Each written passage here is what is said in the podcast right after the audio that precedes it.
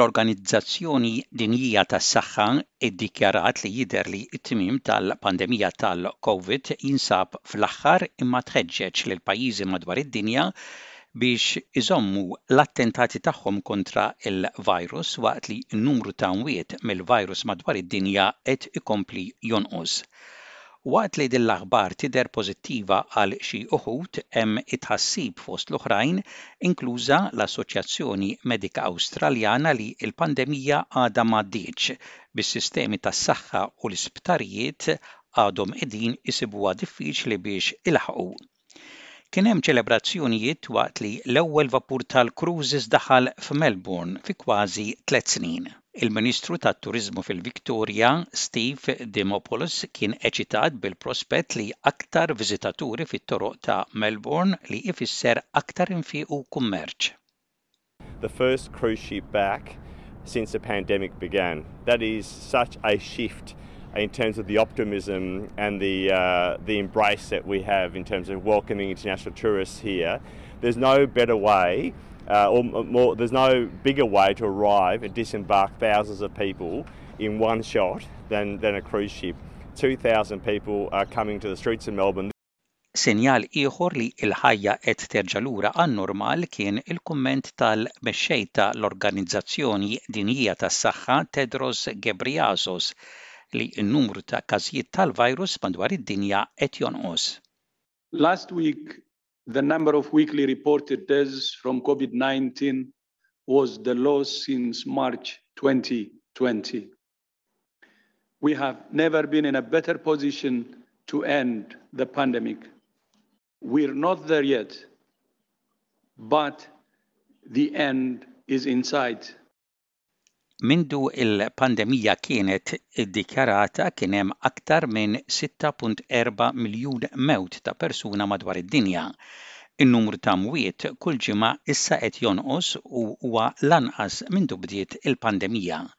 L-epidemoloġista Catherine Bennett tgħid li waqt li l-aħbar mill-Organizzazzjoni Dinjija tas-Saħħa hija waħda tajba, il-Covid għadu virus u marda sinifikanti u l-aħbar għandha tinqies bħala tranżizzjoni minn pandemija għal waħda endemika, tgħid li ninsabu f'sitwazzjoni ta' taħlita fejn l-infezzjoni u tilqim flimkien ipoġġuna f'sitwazzjoni aħjar biex il-livell tat-tixrid tal-virus jinżamm baxx waqt li għadna bil-virus Omicron u varjanti oħra tal-virus jinżammu lura milli jiżviluppaw. We've got a combination now of hybrid immunity So the combination of both infection and um, vaccination in, in the majority of the population now, and that hopefully will put us in a better position to help keep transmission levels low while we're still looking at Omicron and even with other variants. It's probably helping globally New variants not appear. L-Awstralja esperjenzat l-akbar numru ta' imwiet ta' din is-sena u mindu bdiet il-pandemija kważi 14,500 persuna tilfu ħajjithom. L-Assoċjazzjoni Medika Awstraljana tgħid li fis-sistema tas-saħħa ma jidhirx li hemm bidla. Il-Viċi President ta' l-Assoċjazzjoni, it-Tabib Danielle McCallan tgħid li s-sistemi tas-saħħa għadhom qegħdin isibuha diffiċli biex ilaħħqu, tgħid li għad baqa' ħafna biex ngħidu li wasalna fl-aħħar, tgħid li rridu nippreparaw għal mewġiet oħra tal-Covid u wkoll għal l-impatt tal-Covid fit-tul fil-komunità, jiġifieri li dawk li intlaqtu mill-Covid jistgħu jibqgħu jħossu l-effett tal-virus fit-tul. I think it's uh, naive to think that we're at the end of the race. Uh, we're certainly still seeing high rates of acute COVID infections in the community. So we need to continue to provide care in an already strained health system. We also need to do a lot of repair work to catch up on all of the delayed surgeries and delayed care over the past couple of years. And we need to start doing some, uh, some preparation work, both for further waves of COVID, but also for the significant impact that long COVID is likely to have in our community.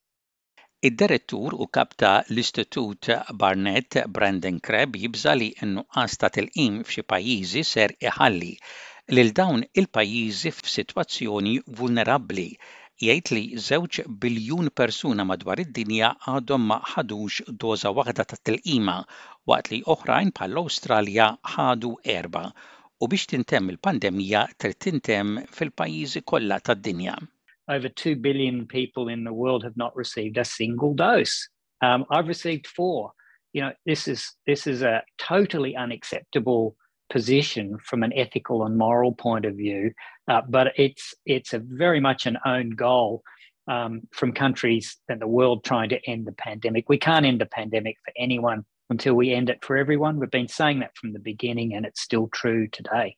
Doctor Tedros Ghebreyesus qed iħeġġeġ lill-pajjiżi li issa huwa ż-żmien li jsaħħu sistemi biex jilqgħu għal Covid u viruses oħra fil-futur u li rridu nibqgħu nirsistu sal-aħħar. A marathon runner does not stop when the finish line comes into view. She runs harder with all the energy she has left.